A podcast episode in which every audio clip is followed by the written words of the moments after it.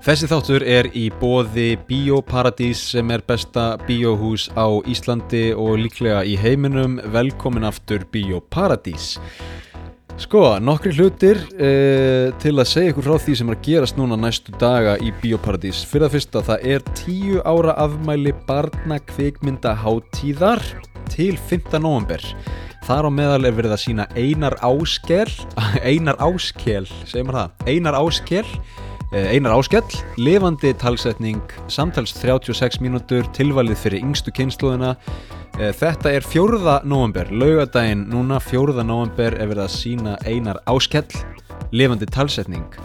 Síðan gott fólk er föstudags partysýning á bíómyndinni Face Off. John Travolta, Nicolas Cage, 3. november klukkan 9. Þetta er á föstudaginn núna, klukkan 9 partysýning á Face Off. Say No More.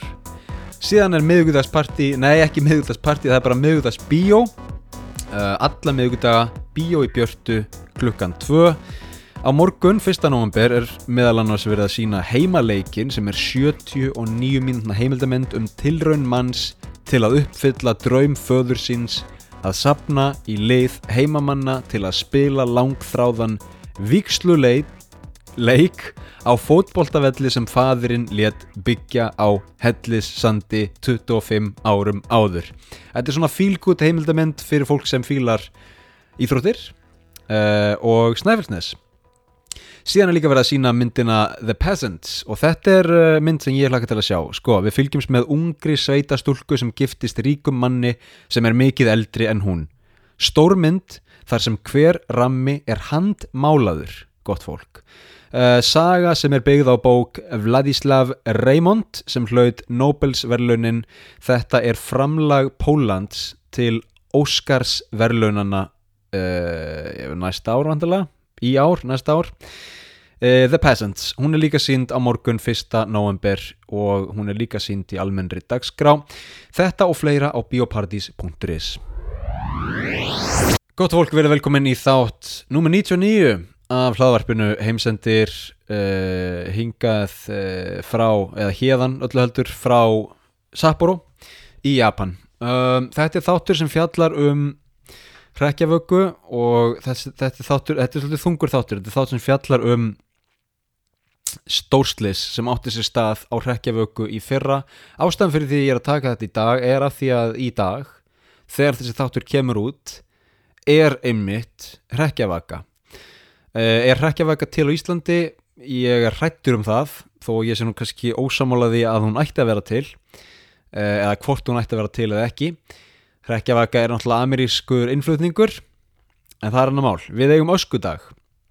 Öskudagur er, er, er falleg háttíð en hrekkjavaka er kannski óþarfi, við veit það ekki.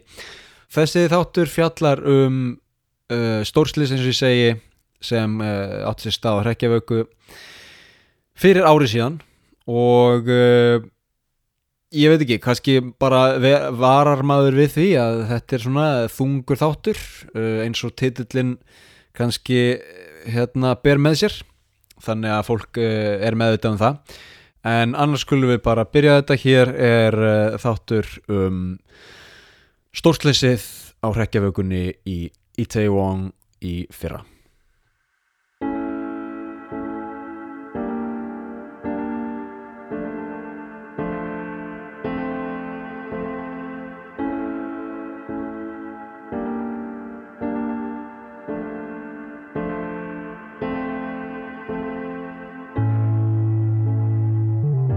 20. og 9. oktober 2022 Við erum stödd í Seúl, höfuborg Suður Kóriu landi sem er að koma undan tveimur árum af faraldslipnaði af völdum COVID-19 Nánartiltekið erum við stödd í Itaewon sem er einn af miðpunktum menningar í borginni uppfullt af veitingastöðum, verslunum og börum Hverfið í Tevon hafði reyndar áður þurft að súpa seiðið af nærveru bandarískrar herstöðvar sem seitti þyrstum hermunum inn á bari og vandishús. Í Tevon var á þeim tíma álitið hættulegt hverfi, sérstaklega fyrir innfætta kóruubúa, en hefur síðan sjatnað yfir í nútímalegt verslunarkverfi sem er vinsælt og örugt bæði fyrir innfætta sem og ferðamenn. En hverfið er enntalið multikulti, það er að segja undir alþjóðlegum áhrifum mismunandi menningarheima. Staður þar sem hinn almenni kóriðubúi getur sloppið undan áhrifum kóriðskrar menningar og upplifað eitthvað annað, til dæmis amerísk áhrif. Lee Jae-hyung, 16 ára strákur, fættur og uppalinn í söður kóriðu vaknar á fyrrnemdum degi 29. oktober 2022 spentur fyrir kvöldinu en það ætlar hann ásamt kæristu sinni og besta vini að upplifa amerísk áhrif í búningi rekjavöku. COVID er búið og Jae-hyung er orðin 16 ára. Fullkominn tími til að skella sér á lífið og fá smá útrás. Það er engin lígi að söður kórisk ungmenni finna fyrir gífurlegri pressu frá foreldrum og samfélaginu til að verja stærstum hluta dagsins í nám og lestur. En þrátt fyrir COVID-þurk var þetta ekki fyrsta sinn sem hrekkjavakan var haldinn í Ítevong. Þá hefð má rekja til ársins 2010 þegar borgarbúar Seúl tóku að klæða sig upp í eitthvað hræðilegt, ógeðslegt, fyndið eða sexy, sem sagt í rekjavöku búninga og halda síðan niður í bæ að hitta vini og kunningja. Af hverju varð amerísk rekjavaka, þó líklega með kóresku ívafi, svona vinsæl? Kanski einmitt vegna þess að þarna var tækifæri til að bregða frá norminu að taka breyk frá vinnu og lærdómi, að taka af sér grímuna, bæði samfélagslega en líka auðvita COVID-grímuna og sleppa fram af sér beislinu. Þetta var þó fyrsta hrekkjavakan hans Lee Jae-hyung og hann var spendur.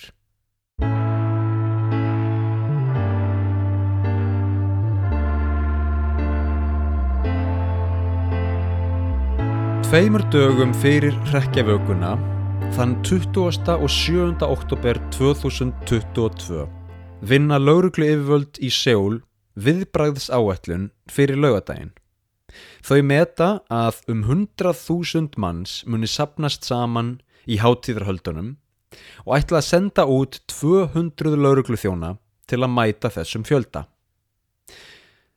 Borgaryfirvöld gefa hins vegar út yfirlýsingu eitthvað á þessa leið. Hrekkjavakan á lögadaginn er ekki skipulögð hátíð og við munum því ekki standa í fjöldastýringu. Barir og veitingastæðir í borginni, sérstaklega í Itaewon hverfinu, eru þó fullkomlega meðvituð um þann fjölda fólks sem mun flæða inn í hverfið og undirbúa sig í samræmi við það. Það þarf að fylla á kælinn kaupa inn, hagræða starfsfólki og skreita en það rekjavaka bara einu sinni á ári. Laugardagurinn sjálfur byrjar rólega. Bærin yðar af lífi yfir daginn en það er ekki óvanalegt en það laugardagur og fæstir í vinnu. Síðan hefur fjöldi ferðamanna einnig aukist eftir að ferðatakmarkanir COVID fjalli úr gildi. Uppur hádegi fer þó að sína sig að þetta er ekki eins og hver annar laugardagur í Seúl. Fólk flæðir inn í Itaewon hverfið, margir hverjir í rekjavökubúningum og um fjögurleitið fer að bera á talsverðri örtröð. Sérstaklega þar sem fólk sapnast saman á þröngum strætum hverfisins til að skemta sér með vinum. Eitt strætið nánartildegið þröngt húsasund millistræta, er orðið verulega þjætt setið um fimmleitið og barir og klúpar fullir út úr húsi. Ég segi þjætt setið, en það er kannski réttar að segja þjætt staðið. Húsasundið er í brekku og þar er ekkert pláss til að sitja. Það er í raun ekki pláss til að standa heldur. Klukkan 1834 berst lauruglunni símtal. Húsasundið virðist órugt. Mér líður eins og einhver verði kramin til dauða. Ég er rétt slapp, en ég held þið verðið að stýra þessu. Það er einfallega of mikið af fólki. Við söndum lauruglu þjóna á vettvang. Þetta var klukkan 18.34, rétt rúmlega klukkan hálf sjö um kvöld. Klukkan sjö var engin laurugla sjáanleg og örtröðin orðin enn verri. Fólki var þrýst út úr húsasundinu yfir á aðalgötuna fyrir neðan. Þau sem þangað komust voru heppin, en fjölmarkir voru enn í miðju húsasundinu. Klukkan átta berst lauruglunni annað símtal. Það er verið að íta fólki hérna. Það dettur í götuna og er slasað. Þetta er algjört kaos. Það verður einhver að stýra þessu. Já, við sendum lauruglu þjóna á vettvang. Klukkan hálf nýju, annað símtal. Þetta er mjög alvarlegt, eins og geðvegrahæli. Þetta er ekki grín, þetta er ekki símaat. Þið verðið að senda eitthvað.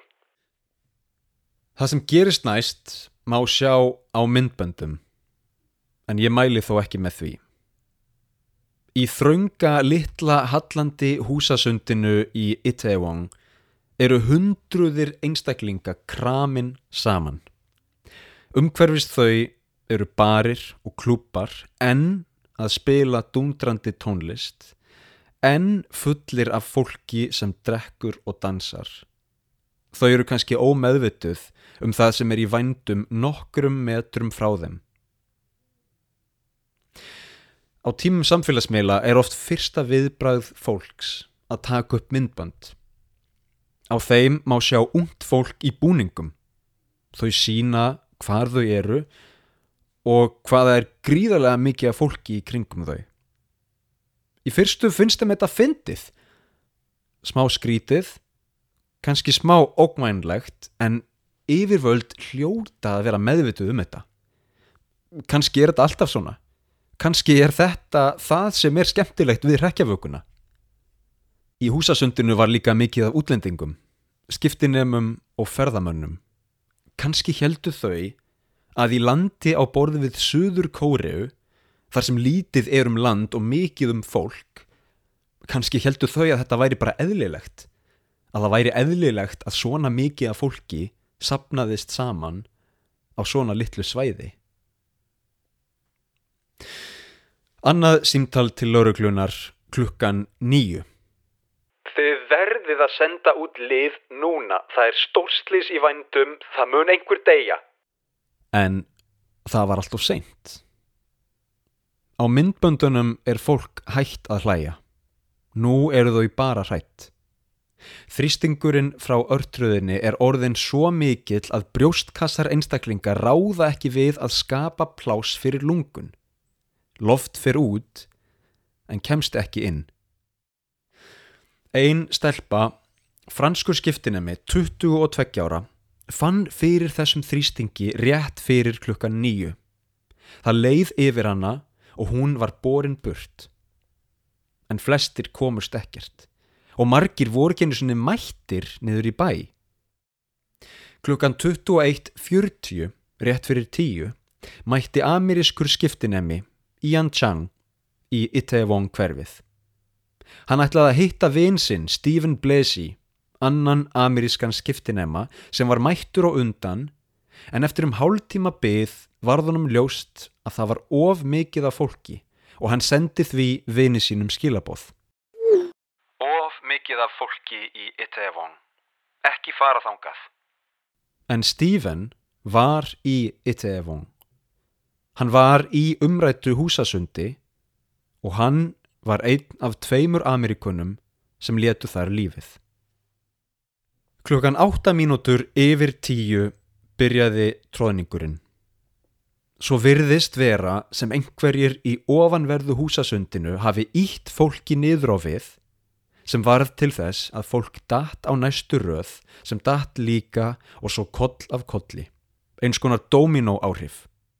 Þau sem voru neðarlega í húsasundinu urðu verst úti í tróðningnum en það skall aldan á þau af fullum þunga. Fólk gerir hvað sem það getur til að flýja, sömur klífa ljósastöyra og byggingar til að sleppa burt. Þrýr amerískir hermenn, ekki á vakt, sluppu undan tróðningnum með því að stökva á húsasillu og fengu þaðan gott útsýni yfir hryllingin. Fólk hlóðust upp í 5-6 lögum eins og lagkaka nema 4,6 metrar á hæð og gerð úr fólki. Talið er að fólkið á botninum með fjögur til fimm lög af fólki ofan á sér hafi orðið fyrir svo miklum þrýstingi að það sé álíka og ef 380 kílóum er þið komið fyrir ofan á brjóstkassa. Fólk gat ekki andað. Á tímabilinu 22.15 til 22.22 berast fjölmörg neyðarsýmtöl til slökkvistöðurinnar í Jóngsang, svæðið þar sem Itaewon hverfið er staðsett. Í símtölunum lýsir fólk tróðningnum sem er að eiga sér stað. Slökkvistöðin stendir út lið á vettvang. Klukkan 22.43 hafa yfirvöldum borist 81 símringing frá fólki. Það segist ekki geta andað. Þá, loksins þá, lýsir lauruglan yfir neyðarástandi. Samt bara fyrsta steiks neyðarástandi, það eru nokkur steg eftir. Viðbrasaðilar mæta á vettvang og hefja vinnu við að draga meðvitundarlaust fólk út úr tróðningnum, leggja þau á jörðina og veita fyrstu hjálp. En lífvana líkamarnir eru svo margir að viðbræðsaðilar verða að byðla til almennings um aðstóð. Klukkan 23.11 er neyðarástandið komið upp í annað stig. Klukkan 23.50 fer það síðan í þriðja stig. Þá eru rúmir fimm tímar liðinir frá fyrstu hringingu á neyðarlínuna. Þrýr tímar liðinir frá fyrstu meðslum á fólki og 90 mínútur liðinar síðan versti tróðningurinn hófst.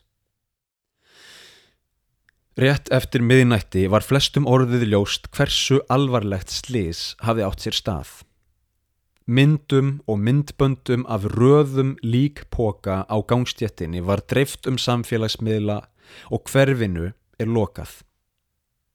Um eittleitið skipar lauröklan börum og klubbum að hætta starfsemi kvöldsins en í mörgum myndböndum má sjá fólk veita fórnarlömpum fyrstu hjálp á götunni með dansandi fólk á skemmtistöðum í bakgrunni. En dundrandi tónlist og gleði í bland við hrylling. Rétt eftir klukkan eitt, aðfara nótt sunnudags, gáfu yfirvöld út fyrstu tölu látina, 59 manns. Sjúkrahús í nákrenninu voru að fyllast sem og líkhús. Klukkan 6 næsta morgun hafiði talan hækkað upp í 149 manns. Fjölskyldur og vinir fórnarlampana keftust við að finna ástvinni sína, hvort sem var á sjúkrahúsi eða líkhúsi. Á næstu dögum jógst tala látina upp í 158 eftir því sem fleiri letust af sárum sínum.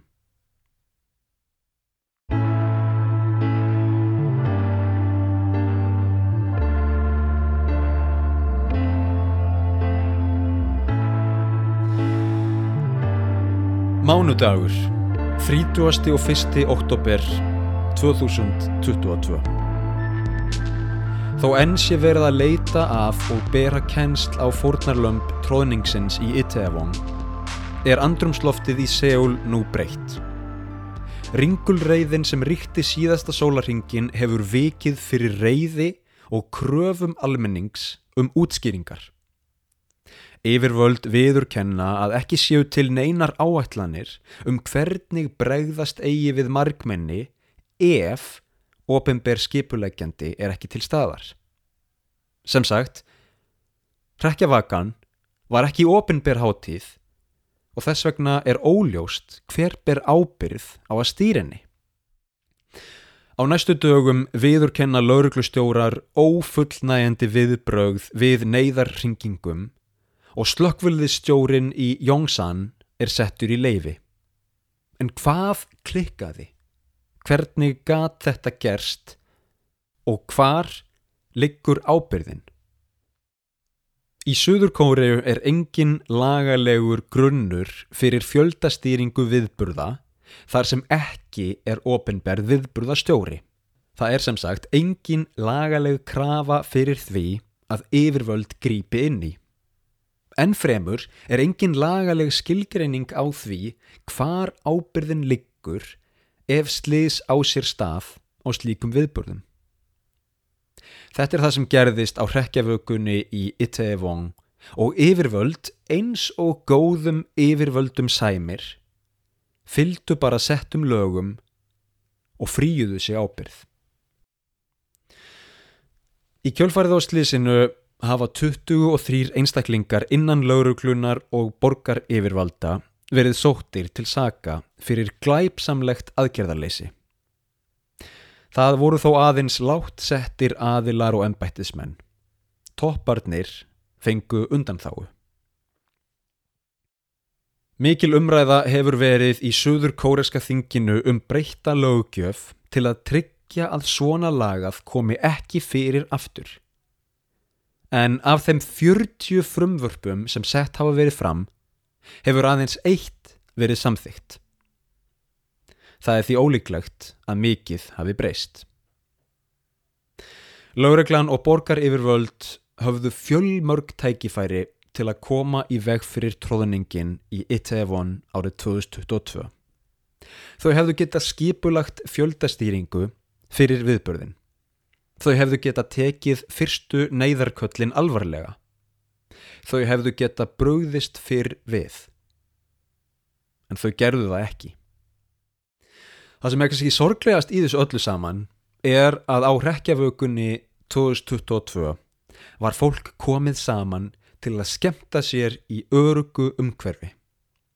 Í Tevon hefur í setni tíð verið álitið örugur staður fyrir ymsa menningar afkima, ungmenni, útlendinga, samkynneitt og kynnsegin fólk. Í Tevon var staður þar sem fólk gætt verið það sjálft. Og eftir COVID árin var fólk loksins komið saman til að fagna. Við byrjum þáttinn á ungum söður kóreskum stráki, Lee Jae-hyung. Hann var 16 ára og þetta var fyrsta rekjavakan hans. Hann var í Itaewon hverfinu, í húsasundinu, á samt kærustu sinni og besta vini. Jae-hyung slapp lifandi frá tróðningnum en hann horfiði upp á kærustu sína og besta vin deyja. Hann sá lungun í þeim kremjast hægt og rólega undan þrýstingnum og tæmast af lofti þar til þau urðu meðutundarlaus. Jae-hyung var ekki samur eftir slísið. Hann varði mestum tíma inni í herberginu sínu og talaði lítið. 43 dögum eftir slísið tók hann sitt eigið líf. Þar með fór tala látina upp í 159. Nú er ár liðið frá hrekkjavökunni í Itaewon. Hrekkjavakan í ár, árið 2023, var lástemt. Margir barir, klúpar og veitingastæðir tóku fyrir skreitingar og auglýsingar sem myndu á hrekkjavökunna. Örfáir einstaklingar klættir í hrekkjavöku búninga og þó nokkuð af lögreglu og viðbræðs aðilum til að sjá um fjöldastýringu. Sumir voru að skemta sér, en fleiri komu saman til að minnast þeirra sem týndu lífi í fyrra. Vonandi mun eitthvað breytast til hins betra. Það er þó langt frá því að vera gefið í söður kóriu þar sem slis án ábyrðar eru ekki eins sjaldgæf og annar staðar. Árið 2014 kvóldi ferju frá borginni Incheon til eigunar Jeju. Fyrstu neyðarköllin bárust klukkan 8.52 um morgun. Þá var ferjan enn á floti. Tæpum klukkutíma síðar, klukkan 9.47, yfirgaf skipstjórin ferjuna til að flýja í neyðarbát. Þá voru enn hundruður farþega, flest allt ungir skólakrakkar, föst inn í ferjunni. Klukkan 10.28 gaf landhelgisgestan loks út skipun um að yfirgefa ferjuna. Vanalega er það skipstjórin sem gerir það en hann var lungu farin frá borði. Svo sökk ferjan. Af 476 farþegum livðu aðeins 172 af. Skipstjórin þar á meðal. Aftur að hrekkjavökunni. Fjölskyldur þeirra sem letu lífið hafa kallað eftir svari við innfaldri spurningu. Af hverju? Af hverju þurftu þau að deyja? Á meðan þessari spurningu er ósvarað, er ólíklegt að þau fái frið. Þau verða því að lifa með óvissunni.